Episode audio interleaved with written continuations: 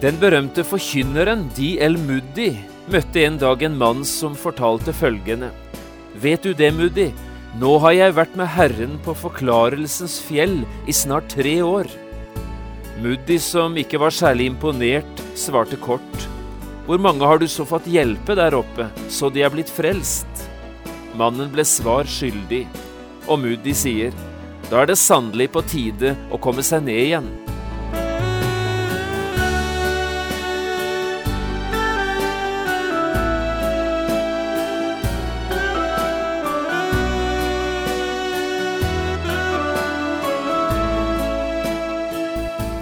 Hjertelig velkommen til et nytt program i serien Vindu mot livet. Programmet er produsert av Kristen Riksradio og blir ledet av Jon Hardang. Dette programmet er produsert med støtte fra Hermon Høyfjellssenter.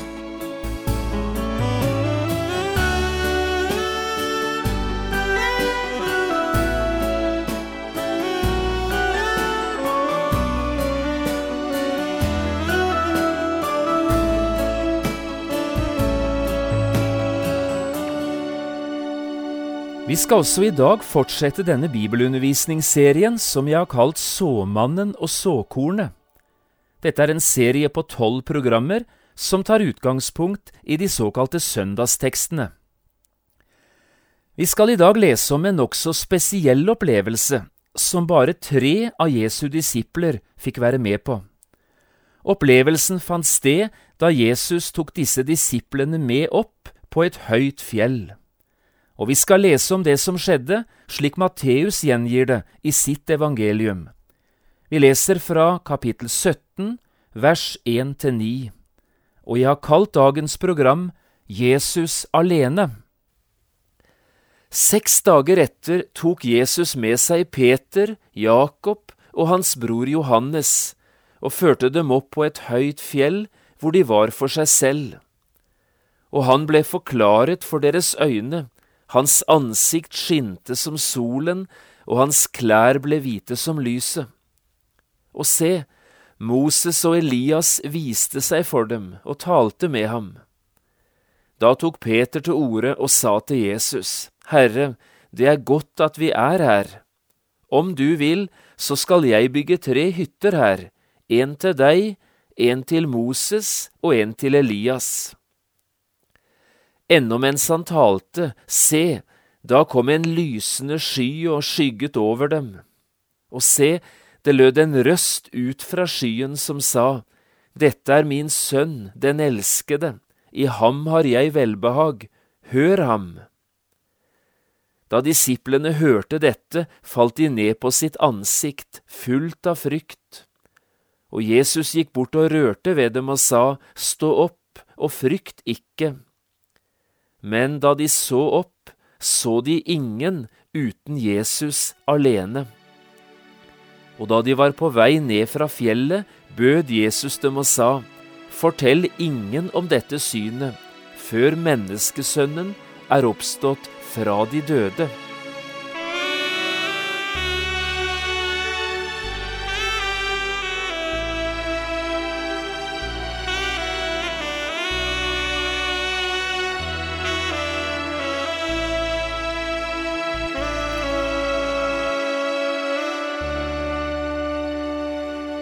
En av de tingene jeg har lagt merke til på reise med evangeliet omkring i Norge i mer enn 30 år, er et spesielt bilde som henger på veggene en rekke forskjellige steder.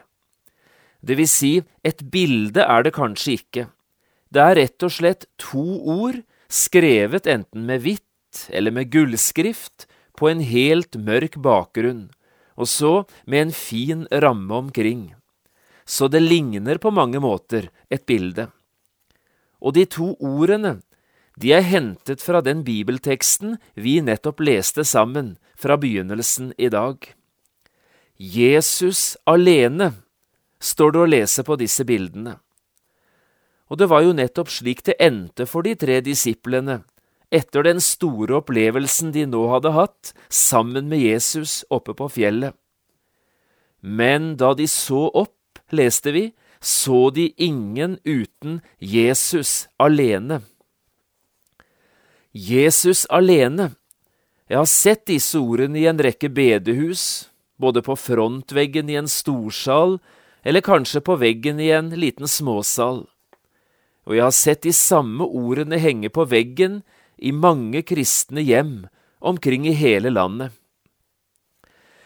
Når nettopp disse to ordene har vært så mye brukt, både i hjem og i forsamlingslokaler, så forteller det meg at disse to ordene har betydd noe spesielt for en masse mennesker. Jesus alene. Det forteller om noe dyrebart, noe verdifullt som mange opplever som viktig å minne både seg selv og andre om. Ellers hadde de jo aldri hengt bildene opp på denne måten. Men hva kan grunnen være til det? Hva er det som er så spesielt med disse to ordene? Jo, det skal jeg forsøke å svare på nå, ved å løfte fram fire viktige ting som Jesus er alene om, ut fra den bibelteksten vi har foran oss i dag. For det første, Jesus alene har vist oss hvem Gud er, og hvordan denne Gud virkelig er. Det var jo litt av en opplevelse de fikk, og litt av et syn de så, disse tre disiplene, dagen da de var med Jesus opp på det høye fjellet. Hør enda en gang hva vi leste. Seks dager etter tok Jesus med seg Peter, Jakob og hans bror Johannes og førte dem opp på et høyt fjell hvor de var for seg selv. Dette er altså situasjonen. Fire mennesker sammen, Jesus og tre av hans disipler, her i stillhet under en åpen himmel. De var for seg selv, forteller Matteus. Og så var det altså her i stillheten, under en åpen himmel, at det utrolige skjedde. Først står det om Jesus. Han ble forklaret for deres øyne. Og videre, hans ansikt skinte som solen, og hans klær ble hvite som lyset. Markus sier det kanskje enda sterkere i kapittel 9,3. Hans klær ble så skinnende hvite at ingen på jorden som bleker klær, kan få dem så hvite. Men hvor kom denne stråleglansen fra? Hvor kom det skinnende hvite lyset fra? Jeg vet ikke hva du tenker om det. For meg er svaret klart, det kom innenfra. Det kom fra Jesus selv, fra Jesu innerste vesen. Det var nemlig slik Jesus var, hellig, ren, en strålende, guddommelig personlighet. Han ble forklaret for deres øyne, leste vi, det betyr han ble forandret eller forvandlet, og denne forvandlingen, den skjedde på den måten at et dekke ble tatt bort. Mestedelen av tiden Jesus var i verden, så lå dette dekket over Jesus.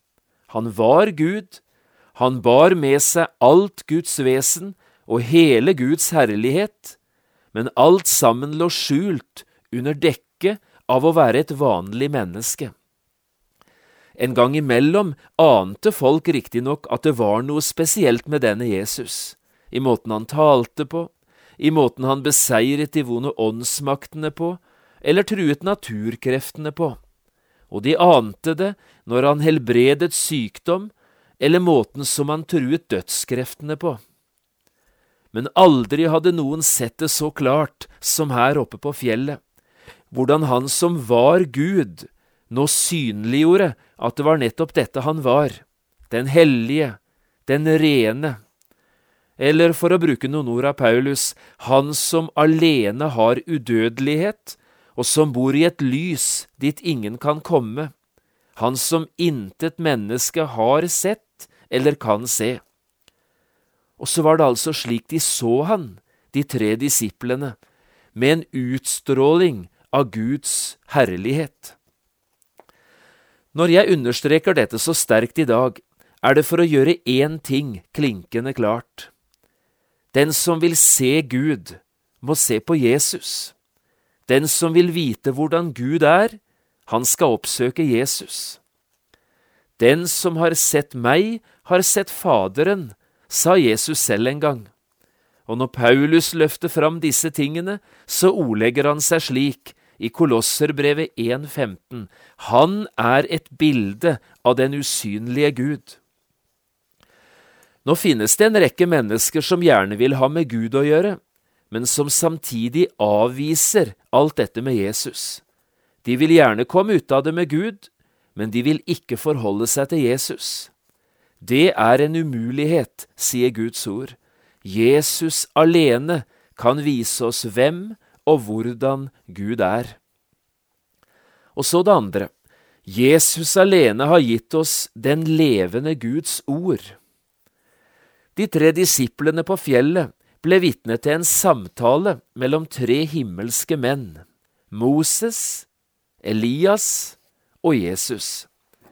Men etter at samtalen var avsluttet, så fortalte Gud selv dem med all tydelighet hvem de først og fremst skulle lytte til. Da kom det en sky og overskygget dem, leste vi i vers 7, og en røst lød ut fra skyen. Dette er min sønn, den elskede, hør ham. Dermed skal ingen være i tvil om hvem som har gitt oss det endelige, det levende Guds ord. Det har Jesus gjort. Loven som ble gitt ved Moses, hadde sin tid. Profetene, som her er representert ved Elias, hadde også sin tid. Men nå er det endelige kommet, nåden og sannheten, og dette er gitt gjennom Jesus. Nå betyr jo ikke dette at alt som står i Det gamle testament er opphevet eller avskaffet og helt uten interesse for deg og meg som lever i dag. Langt ifra. Det gamle testamentet er fortsatt Guds ord, og har fremdeles en masse ting å lære oss, både om Guds plan og vilje med Israel, om Guds gode vesen, om Hans klare og tydelige vilje, og ikke minst om frelseshistorien og veien framover mot Jesus, Guds frelser. Men fra en annen synsvinkel, det er Jesus vi i dag skal lytte til og de apostlene som Jesus valgte seg ut, og som fikk fullmakt til å tale Guds ord på vegne av Jesus, han som altså hadde sendt dem. Også dette er en uhyre viktig sak å være klar over. Hvor finner vi sannheten? Hvor skal vi lese, hva skal vi lytte til, om vi vil møte Guds ord i dag? Svaret er dette, vi skal lese i Bibelen, i hele Bibelen men ikke noe annet sted enn i Bibelen. Bibelen er Guds ord for deg og meg som lever i dag. Den som taler, han taler som Guds ord, skriver Peter selv i sitt første brev. Han var altså en av de som var på fjellet. Mer har vi egentlig ikke bruk for enn det som Jesus alene har gitt oss, altså Guds levende, mektige, evige, frelsende ord. Hør ham, sier Gud selv, både til de tre disiplene og til deg og meg i dag. For det tredje, Jesus alene har gått i døden for oss. Ingen andre kunne gjøre det, og ingen andre ville gjøre det. Så jeg sier igjen, Jesus alene har gått i døden for deg og meg. Hva snakket de egentlig om, disse tre som var oppe på fjellet, Moses, Elias og Jesus? Jeg vet ikke om du noen gang har tenkt på det. Hva var temaet for samtalen deres? Hva snakket de om? Ja, det trenger vi faktisk ikke lure på, for det forteller Bibelen oss, rett ut. Nå skal du få høre hva Lukas skriver når han forteller om det som skjedde oppe på fjellet. Hør på dette. Og se, To menn samtalte med Jesus. Det var Moses og Elias. De viste seg herlighet og talte om hans bortgang, som han skulle fullbyrde i Jerusalem. Hørte du det? Hørte du hva de var opptatt med i himmelen når det gjaldt dette med Jesus og hans tjenestereise på jorden? De talte om målet for denne reisen, om hensikten med at Guds sønn en dag hadde gjort oppbrudd og forlatt himmelen. De visste jo at det var for å bli verdens frelser at han en dag forlot himmelen.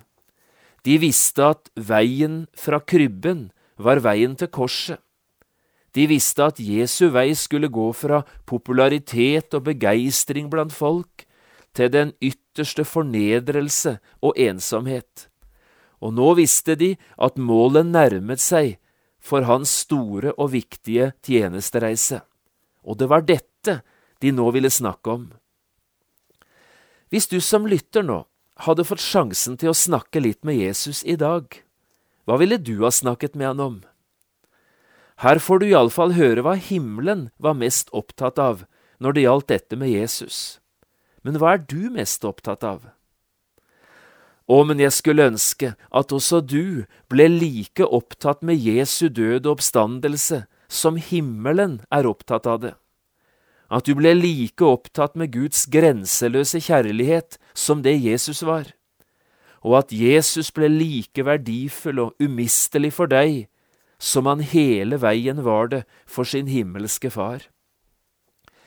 Kristi forklarelsesdag kaller vi den dagen i kirkeåret da historien om Jesus og de tre disiplene på fjellet både blir lest og utlagt i landet vårt.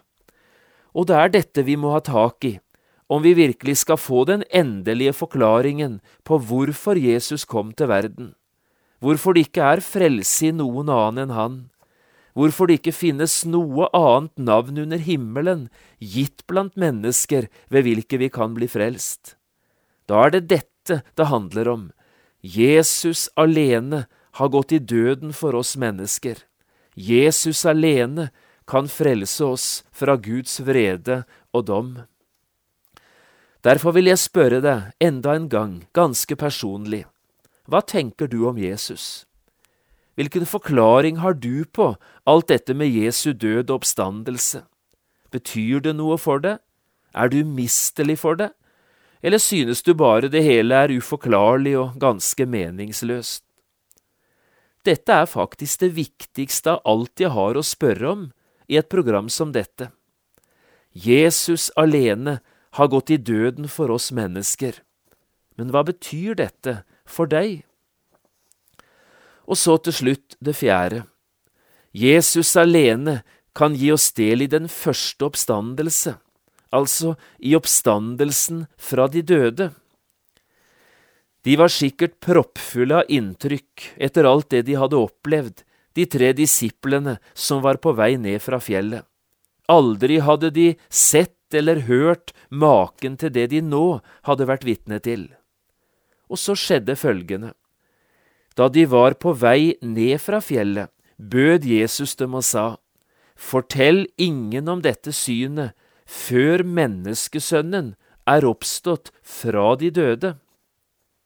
Forklaringen er ikke vanskelig å få tak i. Israelsfolket hadde begynt å ane at Jesus fra Nasaret var Guds Messias. De hadde imidlertid ikke forstått at Jesu frelsergjerning skulle fullføres gjennom lidelse, død og oppstandelse. Og for ikke å gi næring til den mangelfulle og skakkjørte Messias-forventningen, så ga Jesus disse disiplene taushetsplikt. Det var imidlertid en annen ting disse tre disiplene var like opptatt av som den store opplevelsen de hadde hatt. Det var de ordene Jesus hadde brukt da han ga dem taushetsplikt. Markus beskriver dette så fint når han avslutter denne historien på følgende måte. Disiplene holdt fast ved dette ordet, og de talte med hverandre om hva det er å oppstå fra de døde. At alle døde en gang skulle oppstå, det var de fullstendig klar over. Det hadde de lest om i gammeltestamentlige skrifter, og det samme hadde Jesus talt om. Men nå fikk de høre noe de aldri tidligere hadde hørt, nemlig om en oppstandelse fra de døde, altså at noen skulle oppstå, men andre ikke. Forklaringen fikk de etter Jesu døde oppstandelse iallfall delvis. Da ble de jo vitne til at én sto opp fra de døde, nemlig Jesus, og også at en del av de troende som var døde, også sto opp fra de døde og viste seg for mange i Jerusalem. Slik fortelles det i påskeevangeliet. Men den fullstendige forklaringen fikk ikke disiplene, før apostelen Paulus utla for dem sannheten om Guds menighet og menighetens salige håp. Paulus selv sier det slik i Filipperne 3,11, om jeg bare kunne nå fram til oppstandelsen fra de døde. Det betyr, du som tror på Jesus, skal få vente på noe som er bedre enn en oppstandelse på den ytterste dag, altså dødes oppstandelse. Du skal få vente på Jesus, og på det som skal skje den dagen han kommer for å hente sine. Den dagen skal de døde i Kristus først oppstå, altså de som døde i troen på Jesus, men ikke de andre. Og den generasjon som ikke skal rekke å dø, fordi Jesus kommer i forveien for døden. De skal sammen med alle de døde troende rykkes i skyer opp i luften, forteller Bibelen, for å møte Herren. De skal bli Jesus lik i et forvandlingens øyeblikk, da de ser Jesus som han er. Og så skal de alltid få være sammen med Herren. Dette er de kristnes salige håp. Jesus alene kan gi et menneske del i dette håpet, den første oppstandelsen, livets oppstandelse. Det var neimen ikke rart at de tre disiplene snakket om dette på vei ned fra fjellet. Hva er dette for noe? Å oppstå fra de døde? Jo, du og jeg, vi som tror på Jesus, vi vet det, og vi kan se fram til denne dagen med glede. Jesus alene er grunnen til alt det vi nå har talt om. Jesus alene har vist oss hvem Gud er. Jesus alene har gitt oss Guds levende ord. Jesus alene har åpnet himmelveien for oss. Og Jesus alene har gitt oss dette levende håpet. Nå forstår du kanskje hvorfor disse ordene, disse to ordene, har vært så dyrebare for mange Jesus alene. Da jeg var ganske ung forkynner, hørte jeg fra tid til annen en sang bli sunget, som begynte slik. Jesus alene mitt hjerte skal eie, Jesus alene i hjertet skal bo. Det synes jeg må være en fin avslutning på det vi har talt sammen om i dag. Og kunne det ende slik i dag, så endte det rett. Jesus alene mitt hjerte skal eie. Jesus alene i hjertet skal bo.